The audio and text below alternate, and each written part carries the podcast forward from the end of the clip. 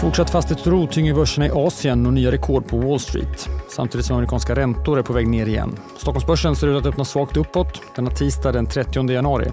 Jag heter Alexander Klar och du lyssnar på din Morgonkoll. Ja, det är fortsatt eh, nedåt på börserna i Kina. Hongkongbörsen backar hela 2% I botten återfinns flera fastighetsaktier efter gårdagens besked att Evergrande tvingas in i likvidation. Tokyobörsen är en av få som stiger svagt. Därifrån har vi också fått arbetslöshet som fortsatt är mycket låg. Till och med lägre än väntat, 2,4% i december ner från 2,5% i november där även förväntan låg på dagens siffra. Wall Street lyfte igår och satte nya rekord igen. Både S&P 500 och Nasdaq steg kring 1% vardera. Samtidigt som vi såg räntor backa efter att vi bland annat fått eh, en ny prognos från USAs finansdepartement där man nu spår ett lägre lånebehov än väntat för det första kvartalet. Den amerikanska tioåringen står nu i 4,05. Imorgon onsdag så kommer Fed med räntebesked. Ingen förväntar sig att eh, räntan ska flyttas, men man kommer att lyssna efter toner för när Fed kan tänka sig sänka första gången. Just nu tror knappt halva marknaden att det kan ske redan vid marsmötet. Ebitsträckaren Tesla var en av de stora vinnarna när mycket lyfte på Wall Street igår. Aktien steg 4% samtidigt som flera mindre ebitstillverkare steg kraftigt också. Vi står inför en väldigt tung rapportvecka på Wall Street med släpp från Google, Microsoft, Amazon och Apple de kommande dagarna. Igår rapporterade bland annat Electrolux konkurrent Whirlpool. Vitvarubolaget gjorde ett starkare resultat än väntat i kvartalet men aktien föll i efterhanden och mycket tillskrivs den ganska mjuka prognosen bolaget lämnade för hela 2024. På tal om elbilar så skrotar franska biltillverkaren Renault sin idé att sätta elbilssatsningen Ampere på börsen. Man gör nu bedömningen att det inte skulle gynna aktieägarna. Det kanske är så enkelt som att elbilsaktier inte är lika heta som de var för ett par år sedan när idén föddes. Sverige såg först om morgonens rapporter. Teleoperatören Tele2s resultat var något bättre än väntat. Även utdelningen på 6 kronor och 90 öre något högre än väntat. Medicinteknikbolaget Arjos resultat var också starkare än vad analytikerna räknat med.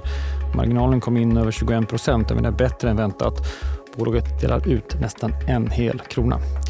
Senare under morgonen också rapporter från NCC och Revolution Race, liksom Nordnet. Solendin Mining flaggat för oväntade tradingvinster under kvartalet som ska redovisas den 21 februari samtidigt som metallpriserna påverkade bolagets intjäning något negativt i kvartalet säger man. Spelbolaget Embracer säger upp nästan 100 personer kopplat till sin omstrukturering. Det har också kommit medieuppgifter om att Embracer lägger ner utvecklingen av en speltitel man suttit med i flera år. Det är något som spelbolaget inte vill kommentera. Avslutningsvis en titt på dagens agenda så ser vi fram emot BNP-data från flera europeiska länder, däribland Frankrike och Tyskland. Vi får också inflationsdata från Spanien och så kommer IMFs globala konjunkturprognos senare under dagen. Från svenskt håll får vi också Konjunkturinstitutets första barometer för i år. Ännu tyngre makrodag att vänta imorgon alltså med räntebesked från amerikanska centralbanken och så svenska riksbanken med sitt räntebesked på torsdag. Missa inte morgonens rapporter. Ni hittar alla vd-intervjuer på di.tv. Vi följer också upp dem i dagens Börsmorgon med start kvart i nio. Det går också att lyssna på programmet som podd senare under dagen. Det är Morgonkoll. Jag är tillbaka igen imorgon bitti. Jag heter Alexander Klar.